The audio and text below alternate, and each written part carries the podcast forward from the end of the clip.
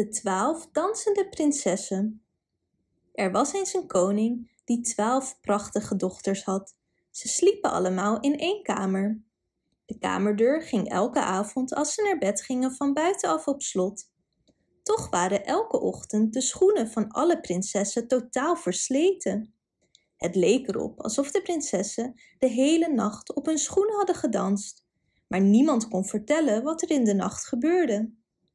De koning wilde het graag weten.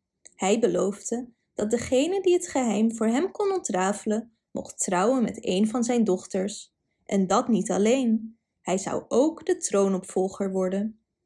Het mocht niet zomaar een poging zijn, want wie na drie nachten het geheim niet wist te onthullen, moest het bekopen met de dood. Al snel kwam er een prins. Hij mocht slapen in een kamer naast de slaapkamer van de prinsessen. Zijn kamerdeur bleef open, zodat hij de kamer van de prinsessen de hele nacht goed in de gaten kon houden. Maar de prins viel al vroeg in slaap. En zo kwam het dat hij geen idee had wat de prinsessen die nacht hadden gedaan. Hij zag alleen dat de zolen van hun schoenen vol gaten zaten, waarschijnlijk omdat ze er de hele nacht op hadden gedanst. Hetzelfde gebeurde de tweede en de derde nacht, en dit betekende zijn dood. Na deze prins kwamen verschillende anderen, maar niemand kon vertellen wat er in de nacht gebeurde, en zo verloren ze allemaal het leven. In dezelfde periode reisde er een oude soldaat door het land. Hij was gewond geraakt in de strijd, waardoor hij niet meer kon vechten. In het bos kwam hij een oude vrouw tegen. Waar ga je heen? vroeg de oude vrouw. Ik heb geen idee waar ik naartoe zal gaan of wat ik zal doen, antwoordde de soldaat beleefd. Maar ik denk dat ik heel graag zou willen weten waar de prinsessen dansen, want dan zou ik op een dag koning kunnen zijn. Wel, zei de oude dame, dat is niet zo moeilijk. Pas alleen op dat je geen wijn drinkt. Je zult een glas wijn aangeboden krijgen van een van de prinsessen. Drink er dus niet van en doe alsof je in een diepe slaap valt. Daarna gaf ze de soldaat een mantel en zei: Zodra je de mantel draagt, word je onzichtbaar. Je kunt de prinsessen volgen zonder dat ze je zullen zien. Toen de soldaat de goede raad van de oude vrouw hoorde, nam hij de mantel en besloot zijn geluk te beproeven. De koning ontving de soldaat net zo hoffelijk als hij dat met de anderen had gedaan. Hij gaf hem koninklijke kleding en liet hem toe in de slaapkamer naast die van de prinsessen. Die avond kwam de oudste prinses in zijn kamer. Ze bracht hem een glas wijn. De soldaat deed alsof hij van de wijn ging drinken, maar dronk in werkelijkheid geen druppel. De inhoud gooide hij weg en daarna ging hij op het bed liggen en begon luid te snurken, alsof hij in een diepe slaap was gevallen. Toen de twaalf prinsessen het luide gesnurk hoorden, moesten ze hard lachen. De oudste zei: Deze oude man had beter moeten weten. Nu zal hij door zijn nieuwsgierigheid zijn leven verliezen. In hun kamer haalden ze de mooiste jurken uit hun kast en trokken ze aan. De jongste prinses aarzelde en zei: Ik weet niet wat het is, maar mijn gevoel zegt me dat ons iets ergs staat te gebeuren. Stel je niet aan, zei de oudste.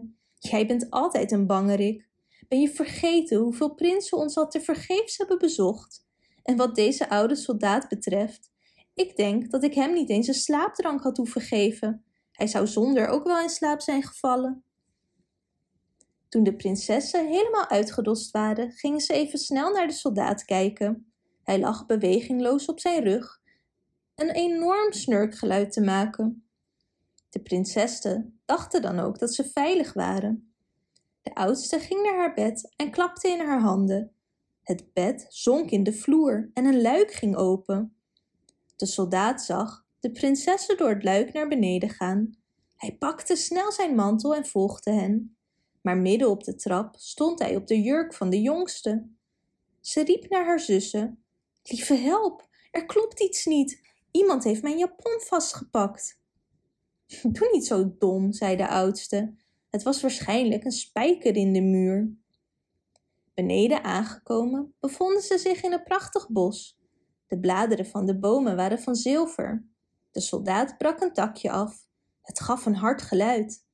De jongste prinses hoorde het en riep: Ik weet zeker dat er iets niet klopt. Hebben jullie dat geluid niet gehoord?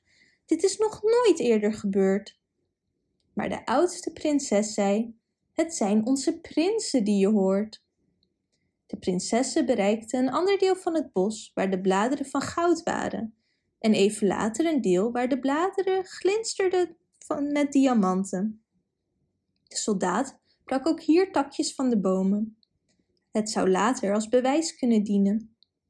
De zussen vervolgden hun weg tot ze bij een groot meer kwamen. Daar zaten twaalf knappe prinsen in een eigen bootje op de prinsessen te wachten. De soldaat stapte in de boot van de jongste prinses. De prins, die in de boot zat met de soldaat, zei tegen de prinses: Ik weet niet waarom, maar het bootje gaat niet zo snel als gewoonlijk. Ik ben al behoorlijk moe. De boot lijkt dit keer erg zwaar. De jongste prinses zei niets, want ze wilde zeker niet tegen de prins zeurderig overkomen. Dus hield ze liever haar mond. Ze meerde aan bij een prachtig verlicht kasteel. Er klonk vrolijke muziek. De prinsen en prinsessen gingen het kasteel binnen en elke prins danste met zijn prinses. De soldaat danste mee en nam van de wijn. Het was goede wijn en de soldaat genoot. De prinsessen dansten tot drie uur s'nachts. Toen moesten ze vertrekken, omdat hun schoenen helemaal versleten waren. De prinsen brachten de prinsessen terug in hun boot naar de overkant van het meer. Dit keer nam de soldaat plaats in het bootje van de oudste zus. Bij het afscheid beloofden de prinsessen hun prinsen plechtig dat ze de volgende nacht terug zouden komen. Toen de prinsessen thuis waren aangekomen, liep de soldaat snel voor hun vooruit naar zijn kamer waar hij in zijn bed ging liggen. De twaalf zussen hoorden hem snurken, dus ze dachten dat alles veilig was.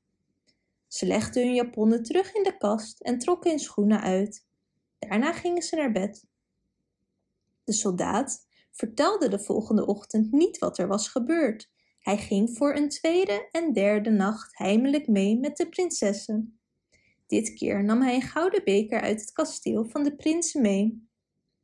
De volgende dag werd de soldaat naar de koning gebracht. Hij nam de drie takken en de gouden beker mee. De twaalf prinsessen stonden achter de deur te luisteren om te horen wat de soldaat zou zeggen. Waar en waarom dansen mijn twaalf dochters in de nacht? vroeg de koning de soldaat. De soldaat antwoordde: Uw dochters dansen met twaalf prinsen onder de grond. Hij vertelde de koning alles wat hij had gezien en liet hem de takken en de beker zien. De koning riep zijn dochters bij zich. De twaalf zussen zagen dat hun geheim was ontdekt en gaven toe. De koning vroeg de soldaat welke van zijn dochters hij als vrouw wilde kiezen. De soldaat antwoordde: Ik ben niet meer zo jong, dus ik kies voor de oudste. Ze trouwden nog diezelfde dag en het duurde niet zo heel erg lang meer totdat de koning stierf en de soldaat het koninkrijk regeerde. Bedankt voor het luisteren. Wist je dat je dit verhaal ook op onze website ririro.com/nl kunt lezen, downloaden en printen?